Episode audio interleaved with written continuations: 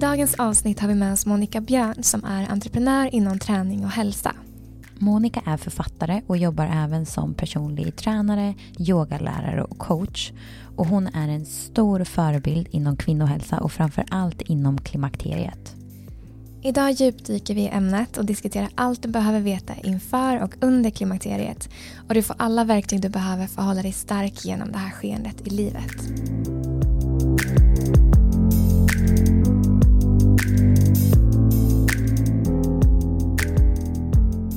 Hej och välkommen hit Monica Björn. Hej! Jättekul att vara här. Gud vad roligt detta ska bli. Ja, verkligen. Ja, vi har sett fram emot det här så länge. Ja, och vi har ju försökt få ihop det i några månader. Precis. Ja. Och äntligen är det dags. Yes. Och vi tänkte att vi eh, börjar med den första frågan som vi ställer till alla våra gäster. För vi tror någonstans att vi alla är här för ett mission, eh, att det finns någonting som ja, men vi älskar att göra. Så vad skulle du säga är ditt mission? Oj, vilken bra fråga. Jag tror att mitt mission är att hjälpa människor. Och det sammanfattar egentligen alla delar som jag gör. Oavsett om jag jobbar som yogalärare eller föreläsare eller skriver böcker eller sitter i rådgivningar så tror jag att det är någonting som kommer ganska naturligt för mig. Så fint. Ja, verkligen. Eh, och idag så kommer vi prata om eh, området för klimakteriet och klimakteriet som du är eh, ja, men expert inom och så inspirerande inom. Och ja, men vi tänker att vi börjar från början. Och ja, Hur började din resa inom klimakteriet?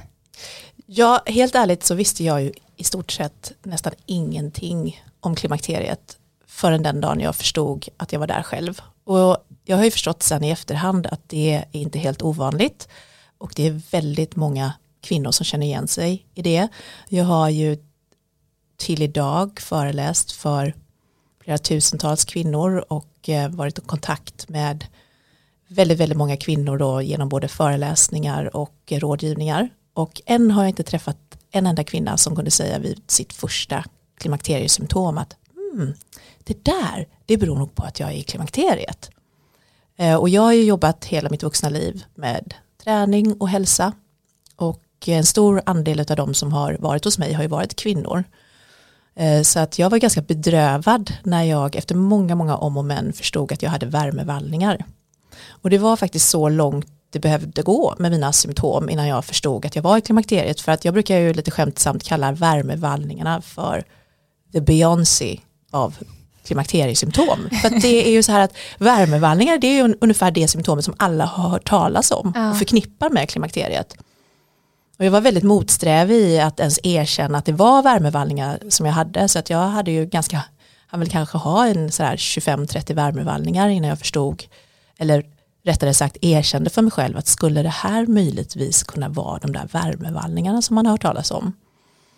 Och då kunde jag gå tillbaka i min egen hälsohistorik i ett drygt ett och ett halvt, kanske uppemot ett och ett halvt år och förstå vad som hade hänt i min kropp under en längre tid. Och det var inte så att jag förstod det med en gång utan det var ju först när jag började söka information och läsa på. Eh, och jag blev ganska så frustrerad under det här vad ska vi säga, researcharbetet så jag tog helt enkelt saken i egna händer och så skrev jag till mitt bokförlag Norstedts som jag redan hade gett ut en bok tillsammans med. Och så skrev jag bara helt kort och gott, jag vill skriva en bok om klimakteriet. Jag har sökt massa information på nätet nu och hittar inte det jag vill ha. Den boken som jag skulle vilja läsa finns inte. Och då fick jag svar inom några dagar. Ja, det låter jätteintressant. Vi har velat skriva om det här. Vi har velat att någon ska skriva om det här en längre tid, men vi har liksom inte hittat rätt infallsvinkel på det. Och på den vägen var det. Jag skrev bokkontrakt och sen i faktiskt parallellt med att jag då dealade mina, med mina egna förklimakteriesymptom så skrev jag boken Stark genom klimakteriet. Och det var ju en enorm ögonöppnare för då förstod jag inte bara hur dålig kunskap sjukvården har om ämnet, för det har de, de har verkligen urusel kunskap om detta. Men jag förstod ju också att rikta kritik mot sjukvården var ju också att kasta sten i glashus, för jag behövde ju inte titta speciellt långt nästan långt runt omkring mig eh, när det gällde personliga tränare, yogalärare, terapeuter av olika slag, fysioterapeuter, coacher och så vidare det var ju precis lika dålig kunskap i de yrkesområdena. Eh, så i och med det så växte väl min mission och jag brukar lite skämtsamt säga det att under det första året så blev jag klimakterieaktivist. Wow. Ja. Och vad skulle du säga när du började sätta in i just klimakteriet, vad var det liksom din största aha-upplevelse? Ja, det var flera stycken faktiskt. Eh, några av de största var ett, att eh, förklimakteriet vanligtvis startar i någon gång i 40-årsåldern. Och det är väl en av de stora liksom, okunskaperna är att inte bara vi kvinnor själva men även inom sjukvården så blandar man ihop klimakteriet med menopaus. Och menopaus är ju endast en medicinsk term som talar om att en kvinna har varit mensfri 12 månader i sträck. Det då markerar att hon har gått ifrån sin fertila period till att inte längre kunna bli med barn. Och den snittåldern är 51,4 år i västvärlden. Och pro problemet med det är ju om man blandar ihop klimakteriet med menopaus då tror man att det är då klimakteriet inträffar medan själva klimakteriet startar någon gång i 40-årsåldern och det är normalt. Samtidigt kan många kvinnor få symptom redan i 30-årsåldern. Då är det svårt att veta när det börjar i 30-årsåldern om det är stressrelaterat och stressdrivet eller om det faktiskt är så att eh, äggfabriken börjar stänga ner som jag lite skämsamt kallar det. Så det är väl eh, en, en av de stora liksom, ögonöppnarna att det börjar så pass då inom citationstecken tidigt. Eh, något annat var ju det här med att 75 80% av kvinnor drabbas av symptom. Eh, och eh, man brukar säga att eh, 30% av dem drabbas av svåra symptom och jag tror personligen att det är lågt räknat för det beror helt och hållet på vilka, vilka symptom som då studien har räknat in som klimakteriesymptom. Och i Sverige idag inom sjukvården av någon outgrundlig anledning så är de klimakteriesymptom som så kallat erkänns, det är värmevallningar, nattsvettningar och torra slemhinnor.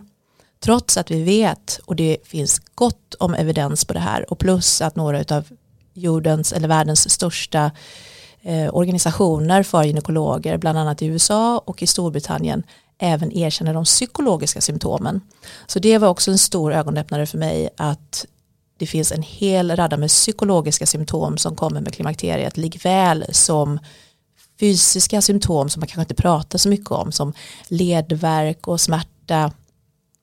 Att man även kan få påverkan i ögonen, i näsan, att tinnitus kan vara ett klimakteriesymptom, kristallsjukan, yrsel, stelhet, alltså det, jag skulle kunna liksom sitta här och rabbla symptom och det var också någonting som var så här nästan som en käftsmäll och herregud. Och anledning till det, det är viktigt att man förstår att våra biologiska kroppar som kvinnor och det är egentligen oavsett om man vill eller kan eller har lust till är att bli med barn. Så våra kroppar blir rent biologiskt skapta för att kunna bli gravida, kunna behålla en graviditet och förhoppningsvis hålla avkomman vid liv tillräckligt länge. Och det innebär ju då att det är därför våra könshormoner är så otroligt viktiga eh, för alla processer i kroppen och när jag säger alla så menar jag verkligen alla så att det är ju både skelett fettet, det är musklerna, det är leder och ligament, det är bindväv, det är hjärnan, det är alla de inre organen och det är nervsystemet. Så allting verkligen påverkas i hela kroppen av könshormonerna.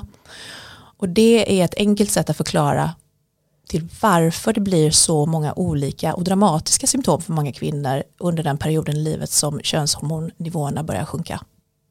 Mm. Ja, så intressant. Och jag kan tänka mig att det är många kvinnor som lyssnar som ja, men kanske börjar komma in i förklimakteriet som du nämner. Hur vet man att man är där och vad är liksom de största skillnaderna mellan förklimakteriet och klimakteriet?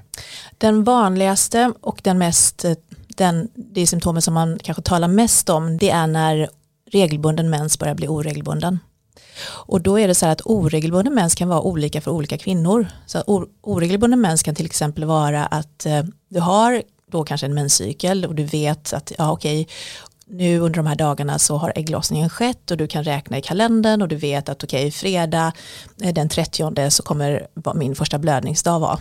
Och jag var själv en sån person som hade en menscykel som jag i stort sett kunde ställa klockan efter. Och då kan det vara så här att den kommer inte på fredagen, den kommer inte på lördagen, den kommer inte på söndagen, den kommer inte på måndagen heller. På måndagen åker du och köper ett, ett gravi, graviditetstest för det är bara oj oj oj, kan det vara så att eh, på tisdagen kommer mensen. Och sen så kan det fungera som normalt igen och sen så igen så blir det en, en cykel som blir lite senare.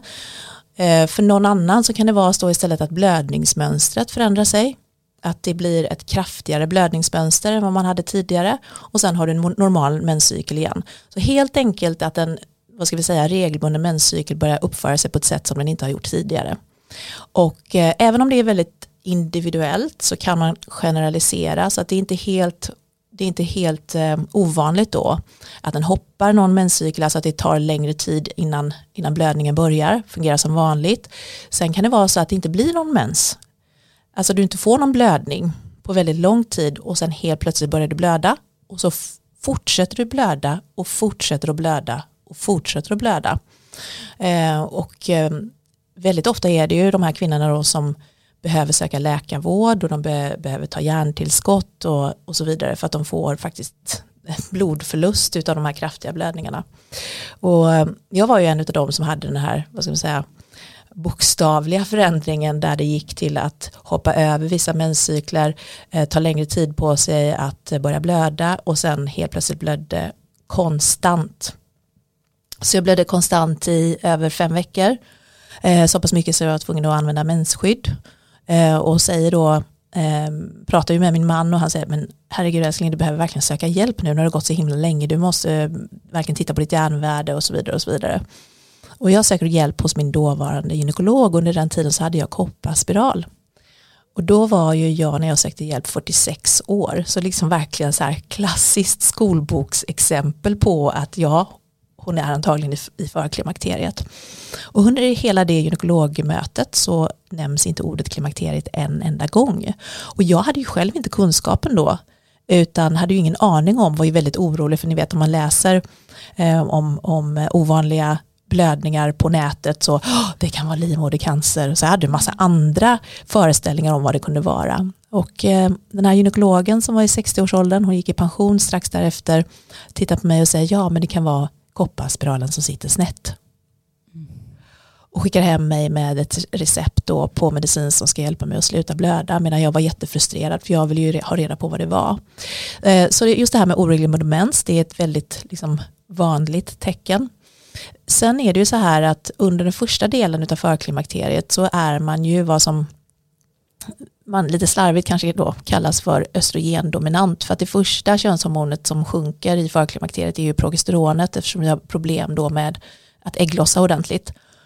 Och då är det ju tecken på östrogendominans som kan uppstå till exempel att man har spända bröst, man blir ojämn i humöret, man kanske blir lite mer nedstämd och deppig man märker kanske att man drar på sig vätska i kroppen. Så det är också vanliga symptom. Eh, vissa kvinnor märker redan då att de sover sämre. De vaknar kanske lättare och har svårare att somna om till exempel. Ehm, men som sagt, det, det, är en individuell resa så det här är liksom rent, rent generellt. Eh, svårigheten blir ju för de kvinnor som har hormonspiral eh, eftersom de vanligtvis kanske inte har mens. Ehm, och ehm, där kan ju gestagenet till viss mån maskera några av de tidigare symptomen. Eh, och det innebär inte att hon blir nödvändigtvis symptomfri eller får ett lättare klimakterie, inte alls, utan det är bara det att det är inte förrän processen har hunnit lite längre som symptomen slår igenom. Och då kan hon tyvärr få minst lika tuffa symptom som någon som inte har eh, hormonspiral. Ah. Och du har ju varit inne på det ganska mycket nu, de fysiska symptomen, men du nämnde också förut att det finns ja, men psykiska symptom eh, på att man är inne i förklimakteriet. Skulle du vilja ge exempel på vissa av dem som det skulle kunna vara? Ja, så det är lite olika när i den här fasen som kvinnor börjar uppleva den här klassiska, eller på att säga, den omtalade hjärndimman. Eh, och hjärndimma för den som inte har upplevt det tidigare, det är ungefär som du försöker tänka i någon slags sirap, alltså tankarna går jättetrögt, du hittar inte kanske rätt ord, du får problem med de kognitiva färdigheterna, till exempel då koncentration, eh, minne och inlärning. Och det är som att hela tankeverksamheten går mycket, mycket trögare. Ehm, och det för, förvärras ju dessutom då av stress och det förvärras ytterligare eh, av insomni, alltså om man inte har sovit ordentligt. Och det är också därför det är så viktigt att när man väl har kommit till det stadiet där man har värmevallningar och nattsvettningar att man hittar metoder att bli av med dem så mycket som möjligt. För att det är inte bara det här med att du störs av att du vaknar på natten och du är varm och du ligger och fladdrar med täcket fram och tillbaks utan det är också så att man har sett då i studier att man kan även få värmevallningar som inte är tillräckligt starka att vakna av men de är tillräckligt starka för att störa djupsömnen så att du, du blir inte helt återhämtad när, när eh, du kanske inte minns att du har vaknat under natten men du vaknar och liksom huvudet känns fortfarande som det är klistrat vid, eh, vid kudden. De mer subtila eh, psykologiska symptomen det är ju att både östrogen och progesteron har påverkan på nivån av signalsubstanser i hjärnan, så både på dopamin, eh, serotonin och även på GABA. Så några av de mer subtila, till att börja med subtila symptomen kan vara att man får en ökad oroskänsla i kroppen. Man kan få eh, ångest, man kan till och med få panikångestattacker och det eh, kan då drabba både de kvinnor som tidigare har haft historik av att ha oro och ångest men även kvinnor som inte har haft den problematiken förut. Eh, och ännu mer subtilt är att serotoninet är en signalsubstans som faktiskt påverkar självkänsla och självförtroende. Så väldigt många av de här kvinnorna kan ju känna att de har fått försämrat både självförtroende och försämrad självkänsla. Och det är en väldigt kuslig känsla att ha för man vet inte riktigt var kommer den känslan ifrån. Är det för att jag på riktigt tvivlar på mina egna färdigheter? Är det för att jag inte trivs med det jag gör? Eh, och jag hamnade också personligen i en sån situation där jag hade ett ökat orospåslag och jag är en ganska lugn person och, och många av de kvinnor som är rådgivare kan vittna om att de älskar att ha, jag älskar att ha många bollar i luften och många projekt eh, igång och jag går igång på det. Och nu fattar jag inte vad som hände. Jag klarar inte ens av att hålla en boll i luften och jag har den här uppjagade känslan med mig och har svår, fått svårt att börja eh, somna. Och jag har aldrig haft de problemen tidigare. Och vittnar även om den här då, de här tvivlarna som kan, som kan uppstå. Eh, och det är det ju i stort sett ingen gynekolog, gynekolog som jag har hört talas om som, som ens känner till. Och många kvinnor sammanfattar den här känslan av, av tvivel, katastroftänk, oro, ångest i en enda mening och det är jag känner inte igen mig själv. Och det är klart att det är en otroligt skrämmande känsla och framför allt när man inte har en aning om vad det kan bero på. Och då är det inte konstigt att man börjar ifrågasätta alla delar i livet för att på något sätt gå igenom en felsökning. Så jag skulle säga att det är några liksom utav de mer tuffa psykologiska, eh, psykologiska eh, symptomen. Alltså gud, jag blir så berörd. Mm. Alltså jag får verkligen rysningar och ja, men, hur viktigt det här är som du berättar att ja, men, upplysa kvinnor om det. Eftersom att, ja, men, som du säger att det är fysiskt men det är så mycket emotionellt och mentalt. Eh, och att verkligen få verktyg att jobba med det. Mm. Ja men verkligen, det är ingenting man har hört ja, men, någon prata om innan. Eh, men de här olika symptomen som du pratar om, Eh, både i förklimakteriet och klimakteriet, behöver det vara så att, att, att alla måste uppleva dem? Eller ja, går det att inte ha de här symptomen? Nej, absolut inte. Det är inte alla som eh, upplever alla symptom och det är inte alla som upplever symptom till en sådan grad att det stör deras normala liv.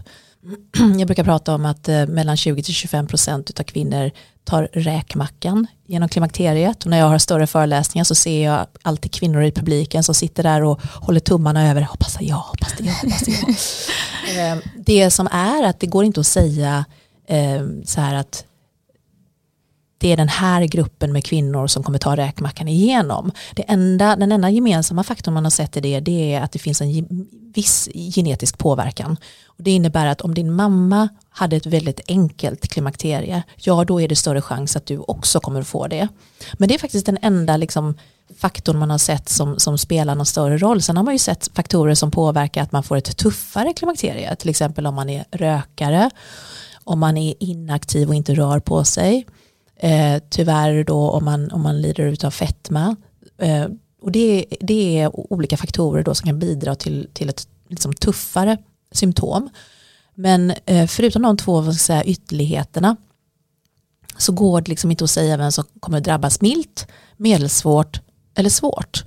Eh, och det som också gör det svårare det är ju att vi har en attityd i samhället att vi kvinnor, vi ska minsann bita ihop. Mm. Ja, så att det, vi är ju liksom världsmästare på att bita ihop och, och, vi är ju så otroligt starka. Alltså, vi kvinnor är ju så häftiga med allting då som vi går igenom eh, hormonellt i, i våra kroppar och den här månat, månatliga cykeln då som, som ger oss superpowers vissa delar av månaden och vissa delar av månaden så vill vi bara liksom krypa in under, in under tyngddäcket. Men jag tror att det är viktigt att påminna sig att eh, när man hamnar i klimakteriet och om man börjar känna att det påverkar ens liv och det kan vara då ens relationer, relationer med ens partner eller sina barn. Det kan påverka jobbet och hur man känner att man kan prestera, prestera eller inte på jobbet eller det kan påverka ens sociala relationer med sina vänner. Då är det så här, då är det liksom dags att göra någonting åt det. Då är det dags att sluta att bita ihop och söka hjälp. Och det man kan göra själv, det är ju nummer ett är att söka kunskap. Läsa på, lyssna på poddar, titta på webbinarier, det som lyssna på ljudböcker. Men i det här fallet så är det verkligen så att kunskap är makt. Så ju mer kunskap man har innan desto, mer är, liksom, desto större är sannolikheten att du kommer känna dig i alla fall lugnare i situationen. För det som händer nu när fortfarande kunskapsläget är så lågt det är ju att många kvinnor går ju med panikkänslor i flera år och tror att de håller på att bli allvarligt sjuka eftersom kroppen börjar liksom stänga ner område efter område och de tror att de liksom håller på att tappa förståndet eller då går in i någon slags förtidsdemens. Så det kan verkligen eh, sätta stopp för så mycket onödigt lidande bara det här med att skaffa kunskap. Så viktigt.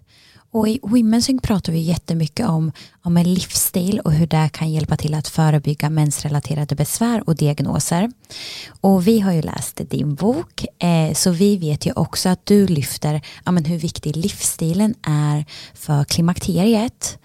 Men skulle inte du kunna beskriva kopplingen, för det kanske är några som lyssnar som inte har läst din bok, så ja, men hur skulle man kunna använda just livsstilen ja, men som ett verktyg för att ja, men minska symptom under ja, men klimakteriet? Mm. Jag skulle säga att eh, nummer ett det är att se över stress och sömn. Stress och sömn, alltså att verkligen gå igenom, okay, vilka är mina stressorer i livet som jag faktiskt kan göra någonting åt? Vad kan jag välja bort? Vad behöver jag då kanske, som kanske jag inte kan välja bort, men kan jag förändra min attityd till det? Um, och hur kan jag se till att jag antingen kan bibehålla så bra sömn som möjligt eller vilka typer av livsstilsinterventioner kan jag lägga till för att förbättra min sömn. Eh, så om det är någon gång i livet som sömnen och återhämtningen är otroligt viktig och det är den egentligen genom hela livet men det här är en extra viktig period skulle jag säga. Så det är nummer ett. Eh, nummer två då det är motsatsen till det och det är rörelse och träning. Och det beror helt och hållet på hur drabbad man är utav sina symptom. Om vi då tänker oss kvinnor som inte är drabbade överhuvudtaget och tar, tar den här räkmackan genom klimakteriet, ja men de kan ju träna på som tidigare om hon redan tränar innan. Hon behöver inte göra några förändringar egentligen utan hon kan träna på som under sina fertila år. Men den stora massan kommer ju trots allt att påverkas. Och då beror det jättemycket på har du milda symptom, medelsvåra symptom eller svåra symptom. Och tittar vi på de som har svåra symptom, det här är kvinnor som kämpar med att komma ur sängen på morgonen eller hålla sig vakna eh, på jobbet under dagen och de är liksom på, på, på gränsen till ett sammanbrott precis hela tiden. Alltså att säga till den kvinnan att köpa ett gymkort och börja träna det är liksom som att ge en, ett, en smäll på käften. Utan är man, har man gått så långt i sina symptom då är det liksom ja, om du kommer ut och promenerar i dagsljus tio minuter om dagen så är det bättre än noll minuter. Mm. Och ligger man då på medelsvåra symptom eh, och, eller kanske mellan milda till medelsvåra symptom och man är en tränande kvinna, då har man antagligen märkt av att man redan har fått eh, eh, problem med sina träningsresultat. Man får inte alls den känslan av träningen som man fick tidigare och kroppen svarar inte på träning på samma sätt. Och då rent generellt så gäller det då att delvis titta över vilken typ av träning man ägnar sig åt. Jag brukar prata om den heliga träningsenheten, vilken, vilket består av konditionsträning, styrketräning och rörlighetsträning. Och där bör man ju tänka om man i alla fall tränar för allmän hälsa att man har ungefär lika stora, stora delar av de tre hörnorna. Alltså att man inte bara kör konditionsträning utan, utan även styrketräning och rörlighetsträning och vice versa.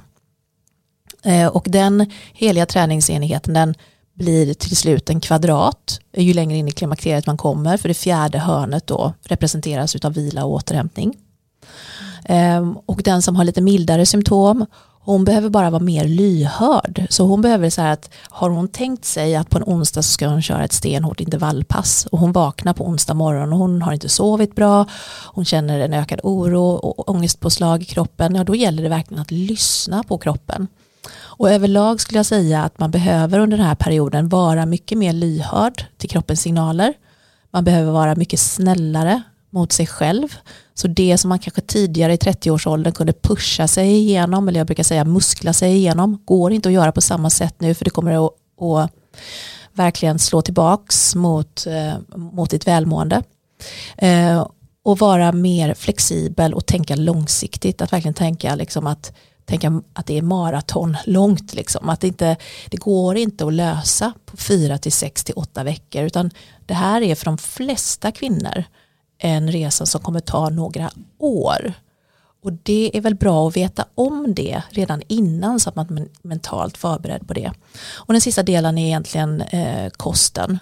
Och i kosten så är det ju så här idag att jag tror inte att det är någon som har öppnat en kvällstidning de senaste tio åren som, som inte vet vad vi ska äta mer av, vad vi ska undvika, vad vi ska äta mindre av.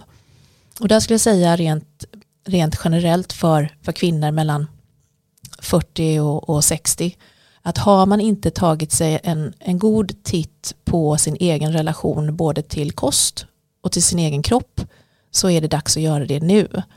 Eh, för att många kvinnor i det här åldersspannet lever fortfarande med en ganska så störd känslomässig relation till mat och där finns det väldigt, väldigt mycket jobb att göra och bli vän då med både maten och sin egen kropp och sen vilken typ av kosthållning man väljer. Eh, det är någonting som ska passa individen och även där ska det funka långsiktigt.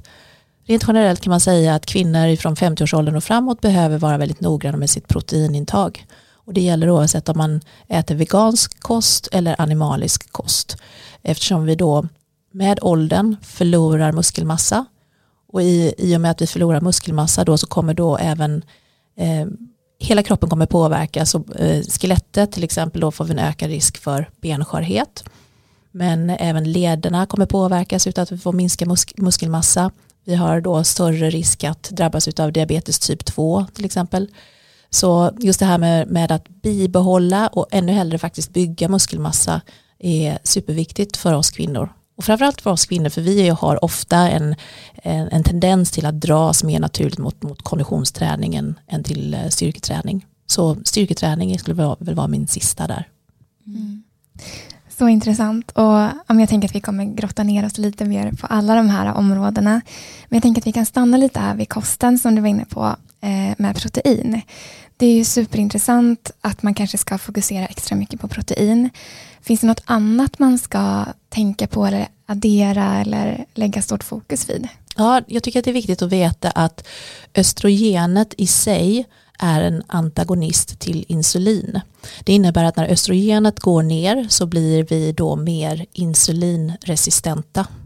Och det innebär då att vi reagerar annorlunda på snabba kolhydrater. Vi behöver alltså producera mer insulin för att få in glukos i arbetande celler.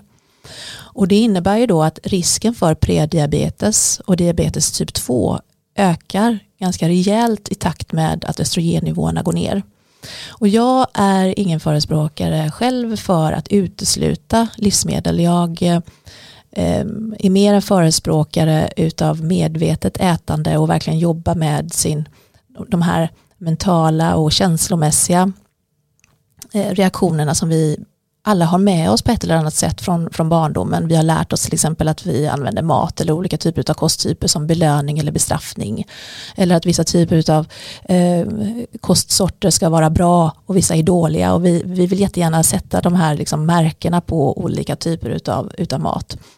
Eh, jag själv eh, när jag jobbar med, med, med, klienter och rådgivningar förespråkar just det här med att hellre landa i ett läge då där du kan äta allt men inte hela tiden.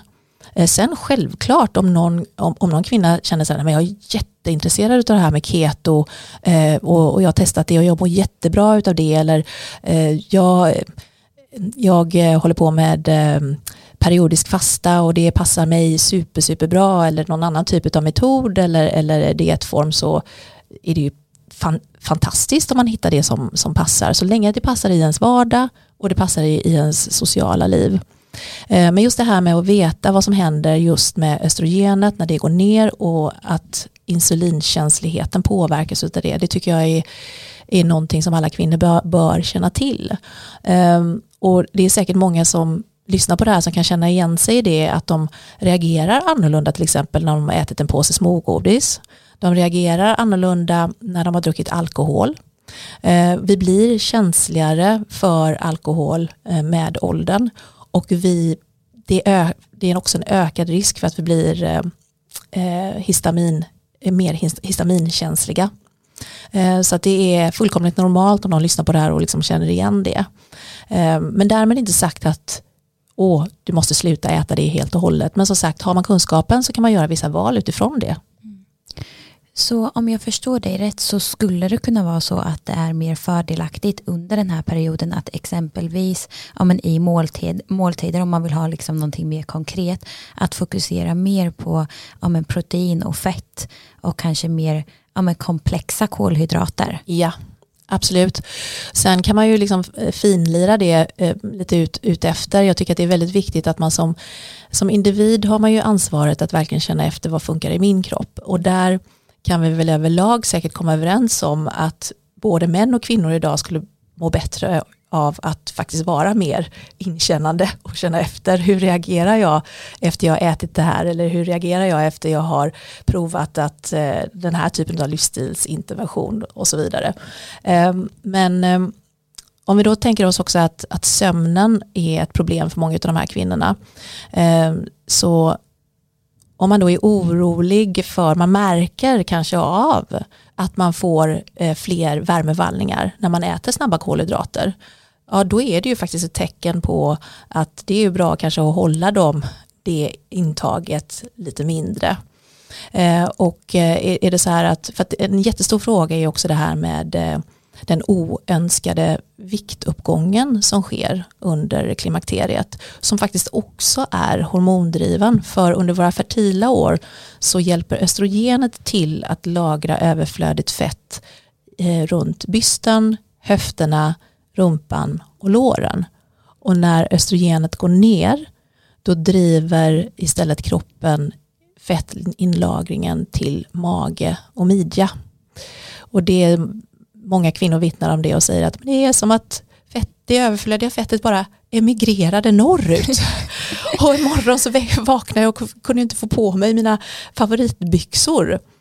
Um, och, ja, och då är det så här att går vi då på en bantningsmetod när vi då vet att kroppen redan är i ett stressat tillstånd för inte nog med att östrogenet är en insulinantagonist. Insulinet, eller östrogenet är även en kortisolantagonist. Så i takt med att östrogenet går ner så kommer vi ligga på högre kortisolnivåer. Kortisol är ett fantastiskt hormon eh, men inte hela tiden och jämt.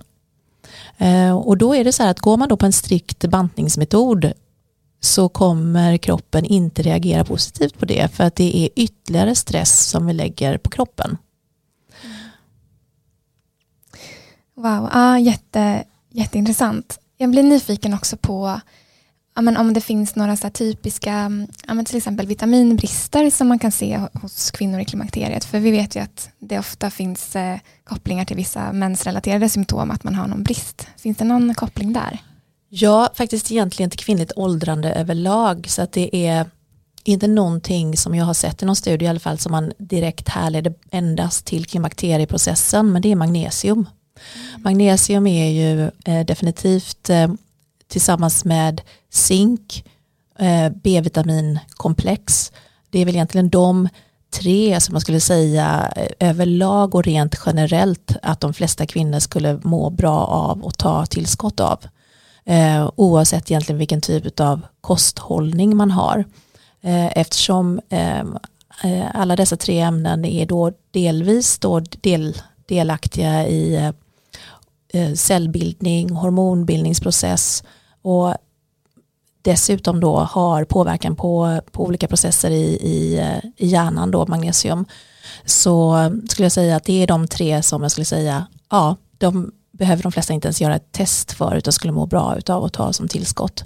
Sen är det ju, vi vet ju liksom att det är kontroversiellt det här med att prata om tillskott, vilket är så tråkigt och, och jag vet inte om det kommer bli någon förändring i det för att det saknas jättemycket pengar till att göra de här stora studierna på, på tillskott. Ehm, men just eh, faktiskt magnesium, zink och B-vitamin, där finns det eh, evidensbaserade studier som man kan se att det faktiskt har en positiv påverkan. I dagens avsnitt vill vi tacka vår magiska sponsor Holistic som är ett hälso och kunskapsföretag som vill hjälpa människor att bli mer friska och mer medvetna. Mm. Och En av anledningarna till att vi älskar Holistic är ju att de har sin egen produktutveckling som är baserad på den senaste forskningen och de har de renaste och mest effektiva kosttillskotten i sitt sortiment. Och Sanna, vi båda har ju faktiskt en personlig koppling till Holistic eftersom vi var med och tyckte till om deras nya grafiska profil. Ja, och min dröm innan vi startade VS Sara var ju faktiskt att jobba på Holistic. För att ja, men jag älskar verkligen vad de står för och vad de gör. Eh, och sen så har jag använt deras produkter ja, från och till de senaste åren. Mm. Och idag vill vi tipsa om magnesium som är ett näringstillskott som vi själva använder varje dag. Och magnesium är med i över 300 olika processer i kroppen och har en jätteviktig funktion när det kommer till vår menscykel. Ja, och någonting som vi lyfter väldigt mycket i Women's Sync-boken är ju just kopplingen ja, mellan magnesium och PMS. För det forskning har visat är att intag av magnesium kan hjälpa till att minska eventuella PMS-symptom som exempelvis kramper, menssmärtor, migrän eller ja, vätskeinlagring. Mm, exakt, och jag själv tar alltid magnesium innan jag går och lägger mig. Och jag är extra noggrann just under mens och eh, innan mens. Eftersom att det är då jag kan uppleva vissa PMS-symptom. Som till exempel kramper, men också i mitt personliga fall så är det ofta kanske känslor av oro eller att ha svårt att sova. Och då blir magnesium superviktigt. Mm. Och för mig är det exakt likadant. Och det som också är intressant att känna till det är att det kan finnas positiva effekter för er som även är i förklimakteriet och klimakteriet och ta intag av magnesium. Och några av de symptomen som är vanliga i klimakteriet och förklimakteriet är ju exempelvis att man ju känner de här känslorna av oro och ångest men också att man kan ha svårt att sova och att man upplever en ökad trötthet. Och det här är någonting som magnesium magnesium skulle kunna förebygga och motverka. Mm. Och En annan sak som är väldigt intressant när det kommer till magnesium är att det är ett näringsämne som förbrukas snabbt vid stress. Så det innebär helt enkelt att stressar du mycket så gör du också av med mer magnesium. Och är det någonting som vi verkligen ser så är det att många av oss upplever mycket stress i vår vardag. Och därför är det väldigt viktigt att vi får i oss tillräckligt med just magnesium. Mm. Och idag har vi förmånen att dela med oss av en rabattkod till er. Så uppge rabattkoden WomenSync20 så får du 20% på ett köp hos Holistic. Och den här koden gäller från och med idag till och med sista december. Tusen tack Holistic. I dagens avsnitt vill vi tacka vår magiska sponsor Livio Standards eller LYS som de även kallas. Livio Standards är ett varumärke som fokuserar på personlig utveckling både fysiskt, mentalt och spirituellt. Och Livio Standards är grundat av Marcus och hans fru Elisabeth. Och Marcus är före detta fotbollsproffs med två SM-guld i bagaget. Och förutom att driva Livio Standards så jobbar han som coach. Och han coachar fotbollsproffs, tränare och människor som vill bli en bättre version av sig själva. Både här i Sverige men också utomlands. Och både du och jag Sara har ju en stark koppling till LYS. Eh, jag själv har blivit coachad av Marcus från och till under de ja, senaste sex åren när det kommer till just delar som ja, det mentala, spirituella men också i träning. Och ja, men Marcus har verkligen varit en av de viktigaste personerna för mig i min personliga utveckling. Mm. Och min koppling till Lisa är att jag har varit med och designat deras grafiska profil och hemsida. Och när man designar det visuella kring ett varumärke så utgår man ju från varumärkets värderingar och kärnvärden och det de står för resonerar verkligen med mig personligen och det är ett varumärke som verkligen ligger mig väldigt, väldigt varmt om hjärtat. Mm. Och tidigare i år så släppte Lys en onlinekurs i just personlig utveckling. Och eh, den här kursen heter Creation och ja, men den handlar om hur man kan göra det inre jobbet. Och I den här kursen så har han paketerat alla de delar och de mest kraftfulla verktygen som han har identifierat under alla sina år som coach. Så den här kursen ger ja, men, vägledning och konkreta verktyg för att ta reda på ja, men, vad är viktigt för dig och hur du kan leva ditt liv för att få tillgång till ja, men, allt du redan är, det vill säga ditt absolut bästa och mest kraftfulla jag. Och förutom kursen så gör Lys också stilrena och sköna träningskläder som påminner oss om att vi ska leva efter våra standards, inte efter någon annans. Och Lys, de vill vara en, ja, men en påminnelse, ett verktyg och en inspiration för dig att göra ja, men det inre jobbet men också att skapa riktning framåt för att leva just det liv som du vill leva. Mm. Och du kan ta del av den här kursen och kläderna på liveyourstandards.com. Och med koden LYSVS20 så får du just nu 20% rabatt på kursen och det här gäller hela året ut. Och det här är en helt fantastisk investering i dig själv eller som present till någon du tycker om. Så tack Livio Standards för det här magiska samarbetet. Vi är så tacksamma. Eh, och jag tänker att vi ska djupdyka lite extra i det här med återhämtning. Eh, för du har ju pratat mycket om om en, hur stress har en påverkan om en, på under klimakteriet. Men också det här med att man kan vara extra känslig för stress under just klimakteriet. Och jag kan ju tänka mig i den här åldern, att säga att man kliver in i förklimakteriet runt 35 till 50. Det här är ju inte heller en period i livet där man har lite att göra, utan man kanske har barn, man är i karriären, samtidigt som det händer saker emotionellt, kroppen förändras, man upplever liksom alla de här symptomen. Eh, men alltså mer specifikt, vad skulle du ge för råd när det kommer till just återhämtning? Vad, vad, kan man tänka på? Ja, när det gäller återhämtning och stresshantering så finns det ju en uppsjö av olika metoder idag. Och jag skulle nog vilja säga lite grann samma, med samma tanke som jag hade när jag skrev eh, Stark inom klimakteriet, det var ju att presentera fakta och lägga fram ett smörgåsbord utav olika lösningar. För att i slutändan så är vi alla individer och vi går igång på olika saker. Och för någon så fungerar meditation, någon, an, någon annan blir helt jättestressad utav meditation och för den personen kanske det funkar att göra andningsövningar. För en tredje så fungerar det att göra ledd avslappning och för en fjärde funkar eh, lugna skogspromenader. Så egentligen skulle jag vilja sammanfatta det med att säga att hitta den metod som funkar bäst för dig och var redo på, på att få kyssa många grodor. Alltså att testa många olika metoder kanske mm. eller testa många olika lärare innan du hittar det som, som verkligen resonerar med dig. Eh, för att det är ju samma sak som det här med att ha en tanke på att det här kommer pågå en längre tid så att ja, det gäller ju att hitta någonting som jag känner mig motiverad till att göra helst lite grann varje dag om det går. För att när man då ska lära sig liksom en, en ny intervention eller en ny metod så är det oftast bättre att kanske sätta ribban på ja, men 3-5 minuter om dagen. Eh, och, och, försöka göra det så ofta som möjligt. Än ni vet så här 60 minuter på tisdagkvällar. och sen fyra veckor senare är man jättefrustrerad för man glömde att rulla ut mattan och göra den här yogasekvensen som man hade laddat ner på YouTube. Um, så att hitta det som passar dig och um, hellre lite grann varje dag för att jag, verkligen göra det till en vana. Eh, piska inte dig själv om det är så att du missar en dag eh, utan då är det liksom på hästen igen och börja om. Um, och um, verkligen också känn in och gör en egen liten utvärdering då och då. Fungerar det här? Hur mår jag? Hur mådde jag innan? Hur mådde jag efter? Ehm, och jag vet ju att ni har pratat om det här med att skriva mensdagbok till exempel och följa sin, tracka sin eh, cykel. Och eh, det finns många fördelar med att faktiskt tracka sitt välmående även under en period som klimakteriet. Så man också får en uppfattning om har det tillkommit nya symptom, har de här interventionerna jag gjort, har de hjälpt de symptomen jag har och så vidare. Mm.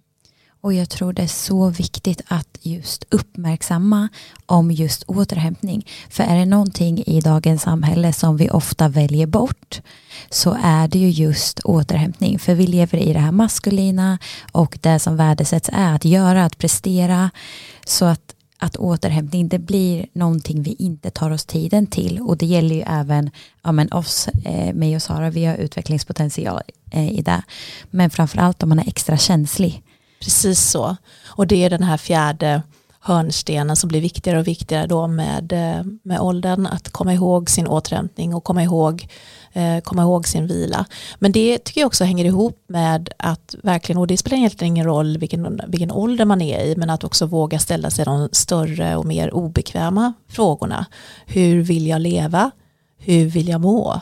Och hur vill jag leva och hur vill jag må, inte bara just nu i nuet, utan hur ser jag, mig, hur ser jag på mig, mig själv och min livsstil och mitt mående om ett år, om fem år, om 25 år.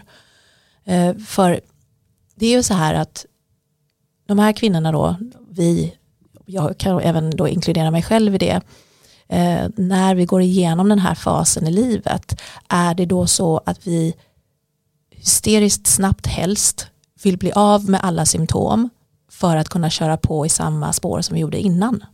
Mm.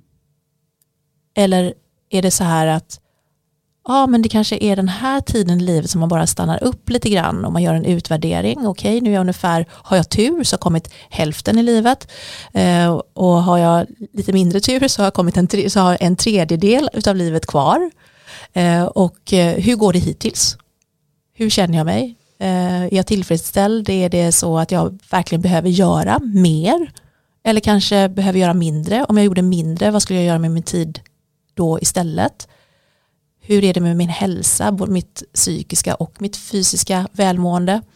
Och det har varit en process nu när jag skrev eh, den sista boken här, Stark 50 plus, där jag även då pratar om livet efter man har gått, genomgått menopaus och, och livet liksom efter när kanske de absolut värsta symptomen har börjat lägga sig lite grann och det blir lite mer stiltje på havet. Och då ska jag säga att vissa kvinnor lever med svåra symptom i resten av livet. Eh, men majoriteten märker ändå av att det börjar lugna ner sig. Vissa redan runt 57-58, vissa runt 65 och det är väldigt, väldigt individuellt.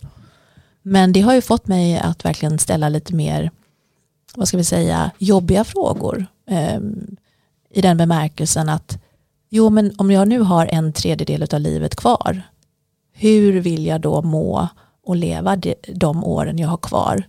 Och för mig var det ju väldigt uppenbart att jag vill ju ha kvar så mycket som möjligt av mitt intellekt och min fysiska kapacitet. Men då kan jag inte bara förutsätta att den kommer finnas kvar där. Utan då får jag ju också vara beredd att göra det som krävs för att optimera chansen att det verkligen blir så. Mm. Ja, som du är inne på också så har man ju då möjlighet att börja planera och fundera över vad kan man göra för förändringar framåt. Och vad skulle du säga att det finns ja, för gåvor med klimakteriet? För att ja, men, på något sätt så är det ett nytt skede. Det finns ju också mycket positiva aspekter tänker jag, kring, kring den här delen av livet. Ja, men jag skulle säga att eh, det är verkligen en av de största positiva eh, delarna. Det är just det här att man får sig en tankeställare om, om den tiden som är kvar. Och eh, det som är bra med det är ju att om man då verkligen ser livet som en gåva och att det faktiskt är ett privilegie att få åldras då kan det verkligen agera som en sporre till att fortsätta bra vanor som man redan har men kanske också utforska områden med nyfikenhet. Alltså jag, jag, jag tror väldigt mycket på det här att, att dras mot någonting istället för att springa ifrån någonting och att det kan finnas liksom en längtan i det och eh, också en viss exaltering. Gud, undrar vad livet liksom kommer kasta på mig nu, den här sista tredjedelen eller då om man har tur 50% som jag har kvar. Ehm, så det är häftigt. Ehm, vad många eh, med mig vittnar om också är ju att eh, man tar mindre skit. Man eh, liksom Nej men man bryr sig inte lika mycket, man har ingen, man har ingen FOMO kvar överhuvudtaget utan man bara så här, shit vad skönt att kunna tacka nej och slippa. Man blir bättre på vanligtvis att rensa ur energitjuvar och sådana som inte ger någonting i bekantskapskretsen. Man blir bättre på att veta sitt, eget värde, tacka nej till saker eller höja priset på sina offerter och bara tänka så här, ja, ja säger de ja så säger de ja, säger de nej så säger de nej. Eh, och det är också en, en, ett lugn som kommer med det som man kanske inte har när man är 20 eller i början av 30-årsåldern. Wow. Mm. Alltså så värdefulla gåvor. Och det kan jag tänka mig, alltså så här, med just den här perioden i livet och om man kollar på liksom hur samhället är överlag, så där man värdesätter mycket idag är ju just det här, ja men ungdomliga, men också det yttre. Och att någonstans vill man kanske inte lämna de delarna utan man vill vara kvar i det. Och då kan jag tänka mig att ja, men när man kliver in i klimakteriet då är det ett ganska tydligt tecken på att ja, men jag åldras, eh, det händer saker i min kropp, jag kanske inte känner igen hur den ser ut. Men också som du berättar att vissa av de här, ja, men man förändras ju inom sig också. Eh, och hur kan man jobba med ja, men att omfamna de här delarna på liksom ett mer djupare plan. Har du något ja, med tips till kvinnor? Men jag skulle nog säga att mitt tips där är likväl som jag pratar om vikten av styrketräning för att orka och inte tappa muskelmassa och hela den här biten. Och i, i samband med det brukar jag prata om att jo men om du tycker att det är tråkigt på gymmet så är det antagligen för att du inte vet vad du ska göra där. Så investera, om du har möjligheten, investera i dig själv och köp några PT-timmar så att du blir visad några övningar som du sen kan ha i din övningsbank. Och precis på samma sätt skulle jag vilja säga med den eh, mentala hälsan och den, psykolog, eh, den psykiska hälsan att om man är eh, en person som känner sig väldigt vilsen, man kanske har den här man kanske fortfarande har ett, eh, en dålig relation till sig själv, till sin kropp, till mat.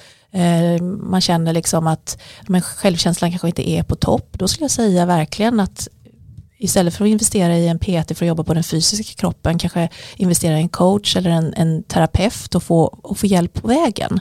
För det är så lätt att vi bara lägger ansvaret på individen, läs den här självhjälpsboken, gör det här så kommer du må så himla mycket bättre och ibland är det inte så enkelt. Ibland behöver vi faktiskt proffshjälp till det.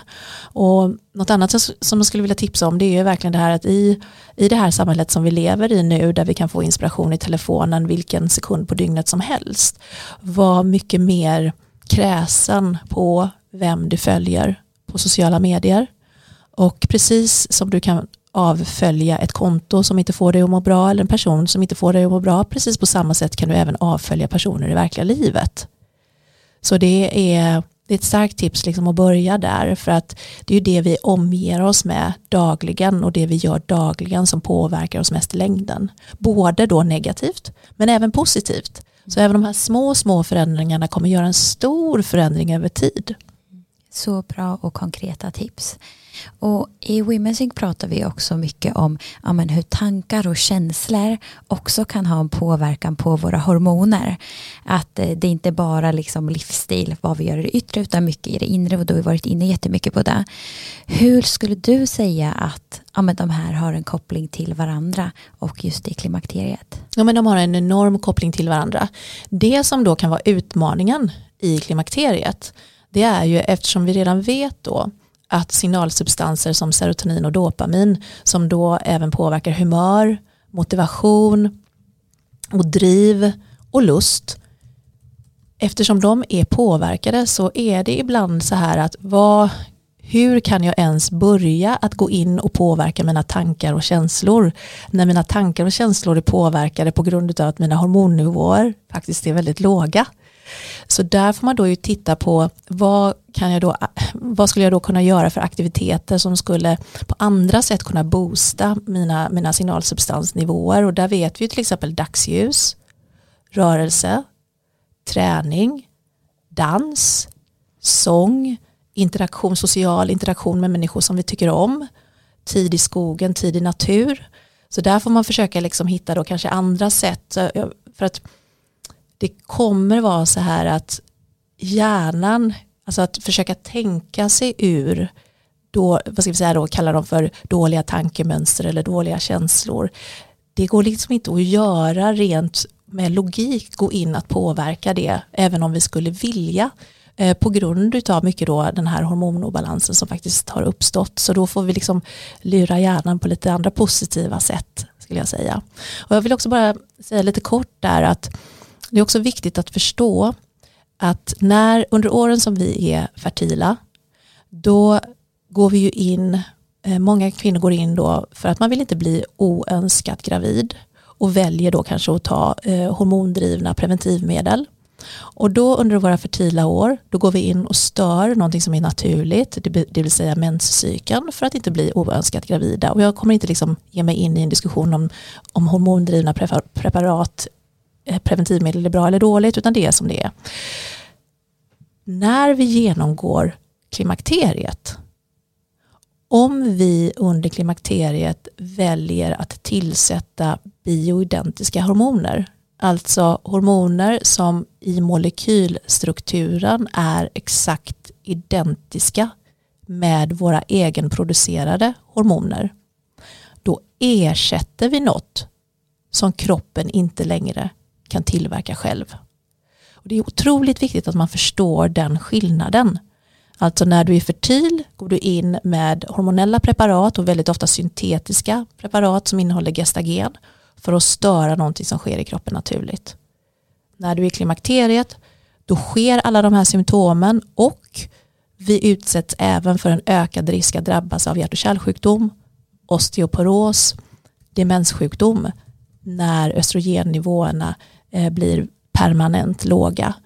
Och bioidentiska hormoner som har exakt samma molekylstruktur som kroppens egna går då in och stöttar kroppen i någonting som den inte längre har. Så det är jätteviktigt att, detta, att man verkligen som kvinna förstår det här. För att för de kvinnor som har medelsvåra till svåra symptom så är det faktiskt så här att självklart kommer det hjälpa i viss utsträckning att göra alla de här interventionerna med rörelse, sömnen, vilan, återhämtningen, stresshanteringen och så vidare. Men grundproblematiken är ju att hormoner saknas i systemet. Så egentligen är det så här att vi egentligen bara sätter plåster på ett brutet ben. Mm. Så egentligen om, när det kommer till hormonbehandling, för det är intressant att du kom in på det, för vi tänkte ställa frågor kring just det, eh, att är det framför allt ett alternativ för de som har svåra eh, symptom eller är det någonting som alla ska ta? Hur, hur ska man tänka kring det? Ja, inom svensk sjukvård idag så vägrar man idag att skriva ut hormonbehandling till eh, kvinnor som inte har några problem. Så eh, det är viktigt att veta det att det går inte idag att kliva in på eh, ett läkarkontor eller hos en gyn och säga att jag vill ta hormoner i förebyggande syfte. Och detta är intressant för att man vet trots allt i de studier som finns att östrogenet ger ett utökat skydd just till de här tre stora då, eh, sjukdomsbilderna. Eh, så att jag brukar säga så här att som kvinna gäller det verkligen, verkligen att vara påläst just i det här området. Och jag vill även, och i min i, i Stark 50 plus så skriver jag även om det, att jag skulle hellre vilja att vi kallar det för hormonersättning än hormon hormonbehandling. Framförallt då när vi pratar om bioidentiska hormoner. Mm.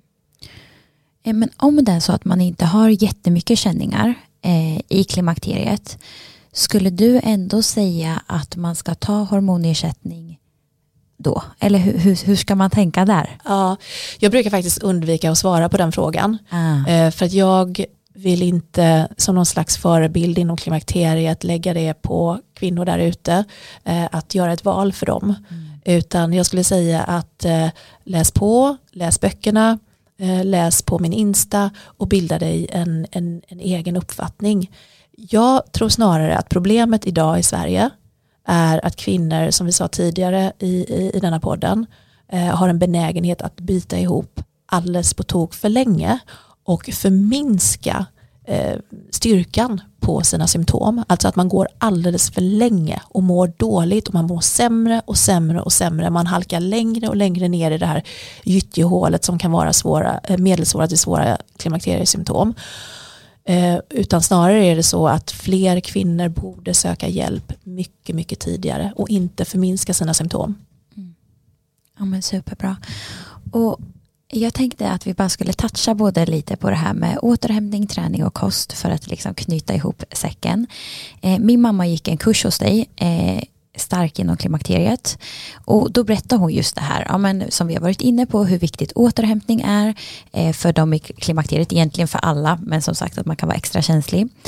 Eh, men som sagt, när vi kliver in i förklimakteriet eller klimakteriet så kan ju många kvinnor som jag har förstått det uppleva att liksom, kroppen förändras.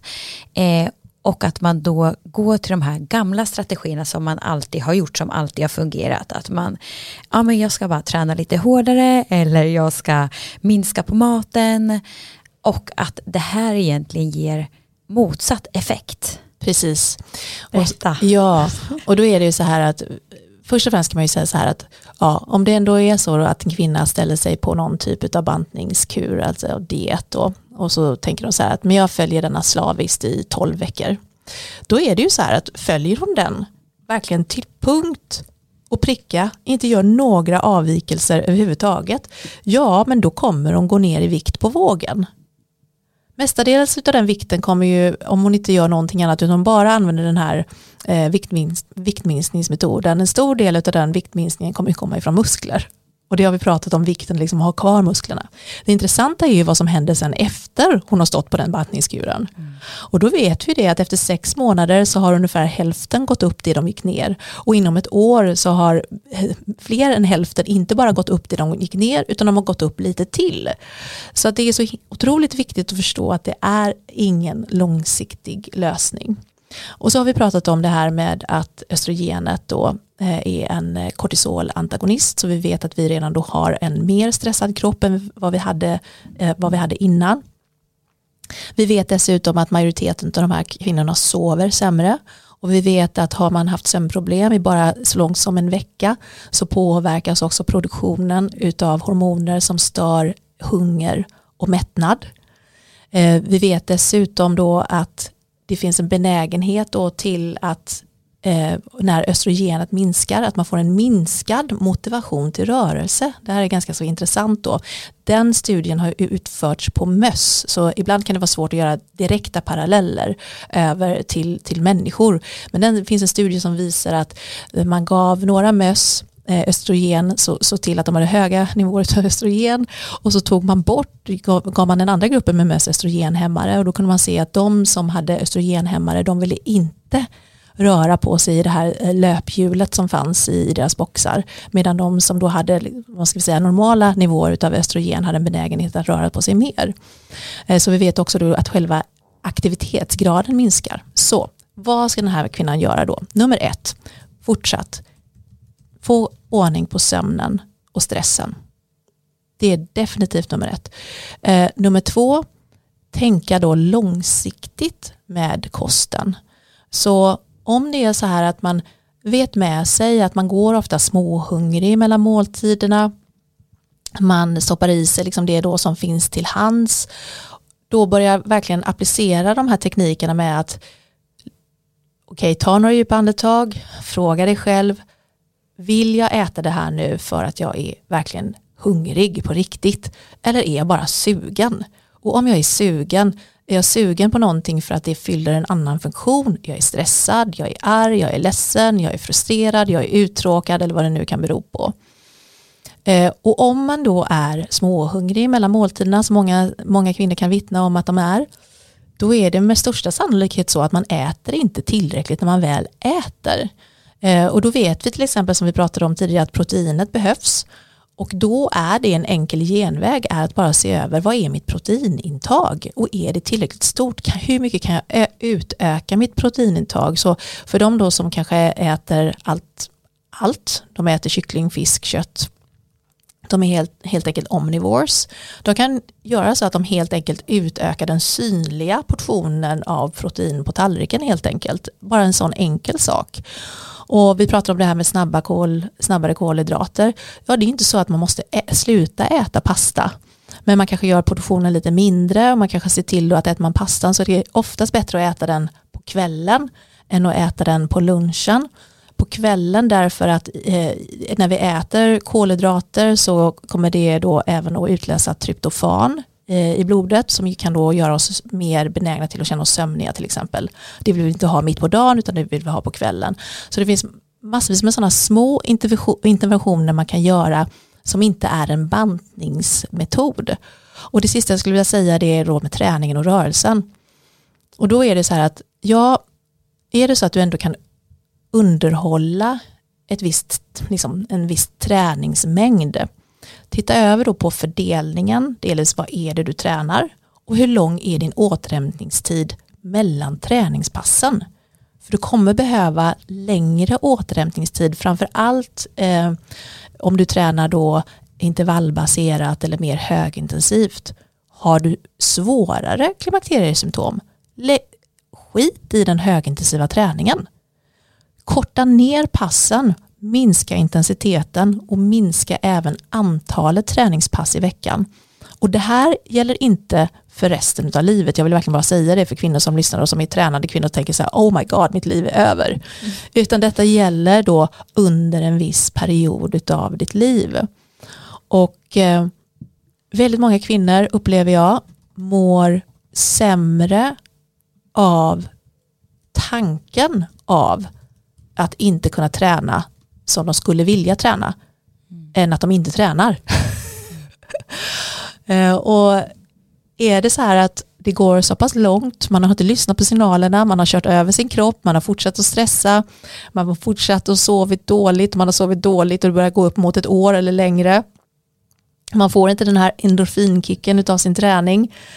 Då är det kanske så att du behöver lägga träningen åt sidan i några veckor men det innebär inte att man behöver ligga på sofflocket utan då är det rörelse du vill åt. Det är lugna skogspromenader, det är fuldans i köket, eh, det är andra saker men inte de här liksom stenhårda eller jättelånga löppassen eller stenhårda passen på gymmet.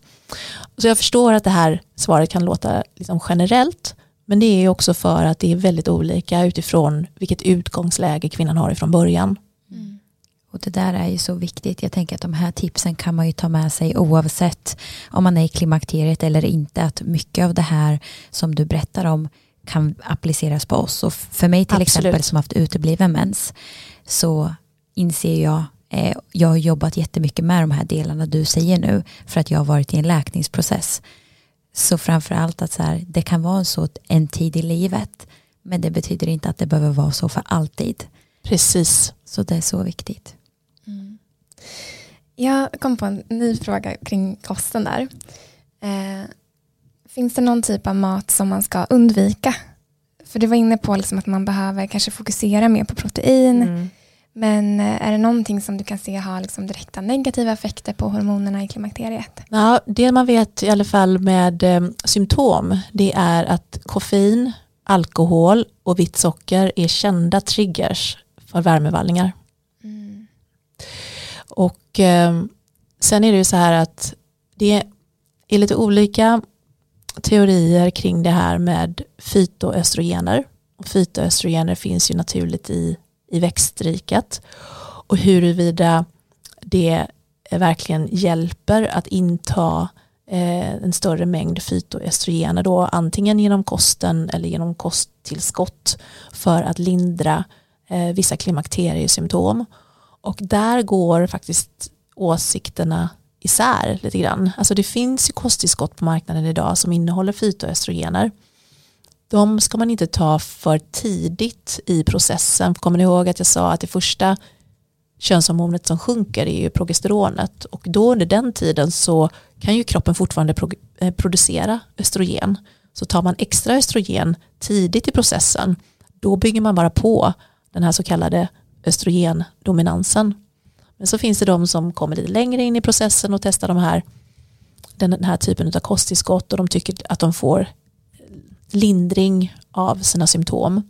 Eh, I min erfarenhet så är det framförallt kvinnor som kanske har då mildare symptom och de är ganska tidigt i processen. För sen när kroppen ytterligare sjunker i könshormonnivåer så brukar inte det räcka till. Eh, men annars är det någonting man ska undvika. Nej, inte mer än, än eh, det som vi redan liksom, så att säga vet med eh, eh halvfabrikat och processad mat i, i, eh, i möjligaste mån. Sen, sen, precis som allting annat, äter man det någon gång då och då så är ju inte det någon fara. Eh, men om det utgör den större delen av kosten så kanske det är någonting man behöver tänka över. Mm. Magiskt. Vi har kommit in på de avslutande frågorna. Eh, och den här frågan ställer vi till alla våra gäster ett livsmedel eller ja, en produkt så, som du inte skulle klara dig utan? Jag skulle nog säga avokado. Mm. Jag älskar avokado och eh, jag pratade om det lite tidigare men det här med histaminintolerans som kan öka i, eh, i klimakteriet och för, för många av oss som tar hormonersättning så är väl det eh, ett av symptomen som faktiskt kan dröja kvar. Alltså hormonersättning hjälper med, mot fler än 90% av symptom just eftersom det är det som är orsaken till att man har symptom. Men histaminintolerans är, är ett av de som faktiskt ligger kvar och avokado är ju ett av livsmedlen då som, som kan ge reaktioner. Men eh, jag trotsar det och äter avokado trots allt. Härligt. Och Sista frågan. Um, finns det någonting som du önskar att du hade vetat innan du klev in i förklimakteriet eller klimakteriet som du ja, kan skicka med till lyssnarna? Oj, jag kan nog inte välja en sak. Jag kan nog välja alla de sakerna som står i just boken. Den första boken, Stark genom klimakteriet. Just för att den, den skrev jag för kvinnor som inte visste eller vet någonting och som kan få aha-upplevelse efter aha-upplevelse. Mm. Underbart, superbra tips och tusen tack Monica för det här samtalet. Jag har lärt mig så mycket och jag är helt säker på att lyssnarna också har gjort det. Ja, och att så här, det finns så mycket hopp och så många kraftfulla verktyg i vår livsstil som vi kan använda oss av för att det är inte menat att vi ska må dåligt genom de här åren. Precis så. Tack för att jag fick komma hit. Tack Jättekul att vara här. Tack. Tack.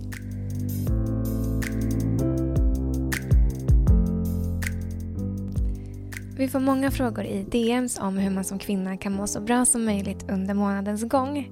Och om du vill lära dig mer om menscykeln och hur du kan påverka den genom verktyg i din vardag så vill vi tipsa er om Women's Think-boken. I boken tar vi upp allt du behöver veta om den kvinnliga biologin, hur du kan synka din livsstil till din menscykel för att må så bra som möjligt vi djupdyker även i mat utifrån menscykelns faser, vi delar framgångssagor från communityn och så, så mycket mer. Och I början på veckan brukar vi gå igenom reviews på vår hemsida och när vi läste den här reviewen så, ja, så fick vi rysningar för den var så fin och vi ville dela den med er. Eh, det står så här. Det här är alla kvinnors bibel. En helt ny värld som öppnades för mig, som har underlättat och förbättrat mitt liv och kommer att fortsätta att göra det. Ja, alltså wow. Så, så fint. Ja, så mäktigt. Och boken finns att köpa på vår hemsida womensync.se.